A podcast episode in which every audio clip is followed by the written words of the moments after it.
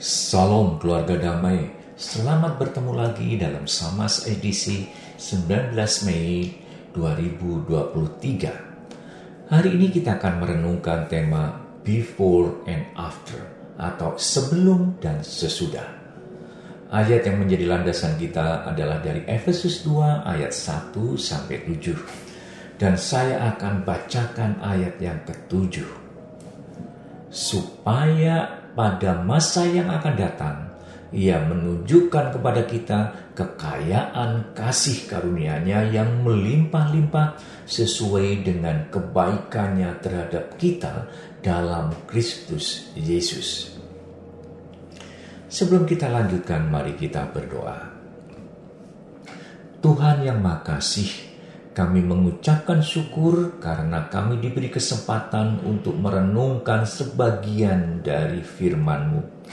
Berkatilah kami agar kami mampu untuk mengerti tentang apa yang Kau kehendaki dari kehidupan kami. Amin. Keluarga damai yang terkasih, salah satu cara berpikir kita untuk melihat hasil dari proses adalah membuat perbandingan antara sebelum dan sesudah. Before and after. Misal, kita akan menurunkan berat badan kita dengan cara berolahraga. Tentunya sebelum berolahraga kita akan menimbang berat badan, begitu juga setelah kita berolahraga.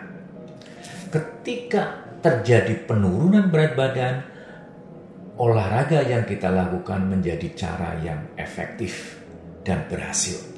Sebaliknya, kalau setelah berolahraga berat, berat badan kita sama, berarti ada yang salah. Jadi untuk melihat perbedaan dari sebelum dan sesudah menjadi cara untuk mengevaluasi apa yang kita lakukan. Rasul Paulus menggunakan cara yang sama untuk mengingatkan jemaat di Efesus. Mereka diminta untuk melihat kondisi sebelum mereka menerima Kristus.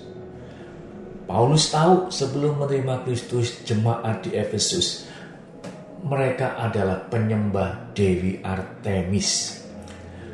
Dewi yang sering digambarkan sebagai seorang wanita muda dengan busur uh, panah serta memakai gaun pendek. Artemis dianggap sebagai dewi perburuan, kesehatan, keperawanan, dan kelahiran. Dia adalah pembawa dan penghalau penyakit pada perempuan serta dianggap menjadi dewi yang menolong dalam proses kelahiran. Masyarakat Efesus juga berpraktek ilmu hitam, ilmu sihir, penyembuhan alternatif dengan menggunakan mantra dan jimat. Karena Efesus juga menjadi sentral bisnis dan industri, kekayaan dan kesenangan duniawi menjadi sangat penting bagi kehidupan mereka. Pelacuran dan perjudian juga marak. Jadi secara singkat bisa dikatakan sebelum menerima Kristus, kehidupan masyarakat Efesus sangat bertentangan dengan apa yang dikehendaki oleh Tuhan.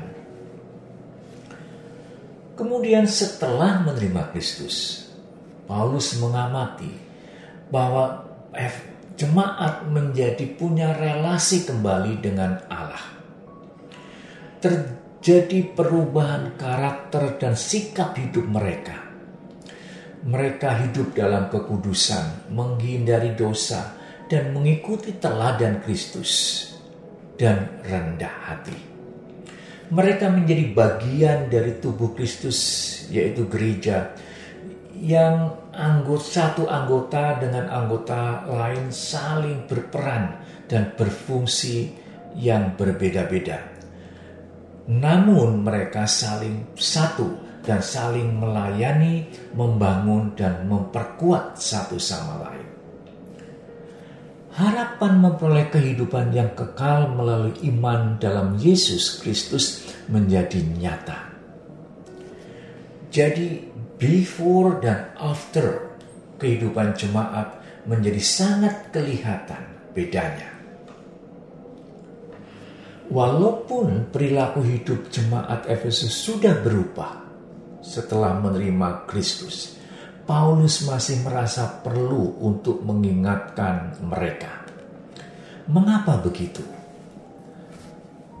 Pertama, karena pertumbuhan rohani jemaat Efesus masih dalam kondisi yang labil, yang masih mudah dipengaruhi, sehingga Paulus merasa perlu untuk meneguhkan iman mereka. Yang kedua, ada ancaman tentang pengajaran yang salah serta ajaran-ajaran palsu yang bisa mempengaruhi jemaat. Paulus perlu mengingatkan mereka tentang bahaya ini dan memberikan panduan untuk mengenali dan menolak ajaran yang tidak benar. Dan yang ketiga adalah tentang peringatan tentang moral dan etika. Paulus mengingatkan jemaat tentang standar moral dan etika Kristen yang harus dipertahankan, yang harus lebih baik dari kehidupan sebelumnya. Dan yang keempat adalah peringatan tentang ancaman penganiayaan karena kondisi jemaat di Efesus pasti berbeda kehidupan mereka dan ini akan menimbulkan kecemburuan, akan menimbulkan suatu gap dengan masyarakat di sekitar.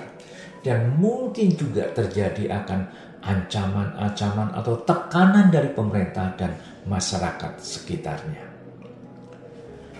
Keluarga damai yang terkasih, apakah empat peringatan Paulus bagi jemaat Efesus juga relevan dalam kehidupan kita sekarang. Mari kita evaluasi diri kita masing-masing dengan empat pertanyaan berikut. Yang pertama, apakah kita merasa bahwa iman kita pada Kristus masih up and down, kadang kuat dan kadang melemah?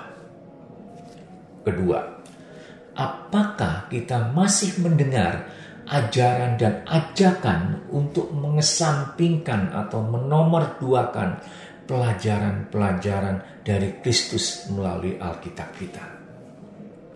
Dan yang ketiga, apakah kita sesekali masih tergoda untuk melakukan hal-hal yang tidak sesuai dengan kehendak Allah? Apakah itu besar ataukah itu hal yang kecil-kecil? Yang keempat, apakah kita masih merasa menghadapi tantangan untuk menjadi orang Kristen yang baik di era sekarang. Mari kita evaluasi diri kita.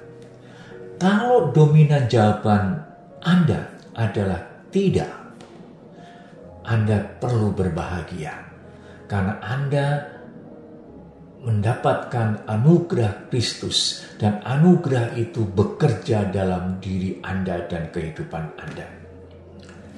Namun kalau dominan jawaban Anda adalah ya, Anda tidak perlu khawatir. Karena seperti yang tertulis di ayat yang ketujuh, masa yang akan datang ia menunjukkan kepada kita kekayaan kasih karunia-Nya yang melimpah-limpah sesuai dengan kebaikan-kebaikannya terhadap kita dalam kehidupan Kristus Yesus. Jadi jemaat, tetap semangat untuk tetap hidup di dalam Kristus. Mari kita berdoa. Tuhan Allah yang baik dan setia, kami mengucapkan syukur atas anugerah keselamatan dan penyertaanmu dalam kehidupan kami masing-masing. Engkau mengetahui secara pasti tentang iman dan perilaku kami. Kiranya engkau tetap bersama kami agar kami semakin dekat dengan gambarmu. Dalam nama Tuhan Yesus Kristus kami bersyukur dan memohon. Amin.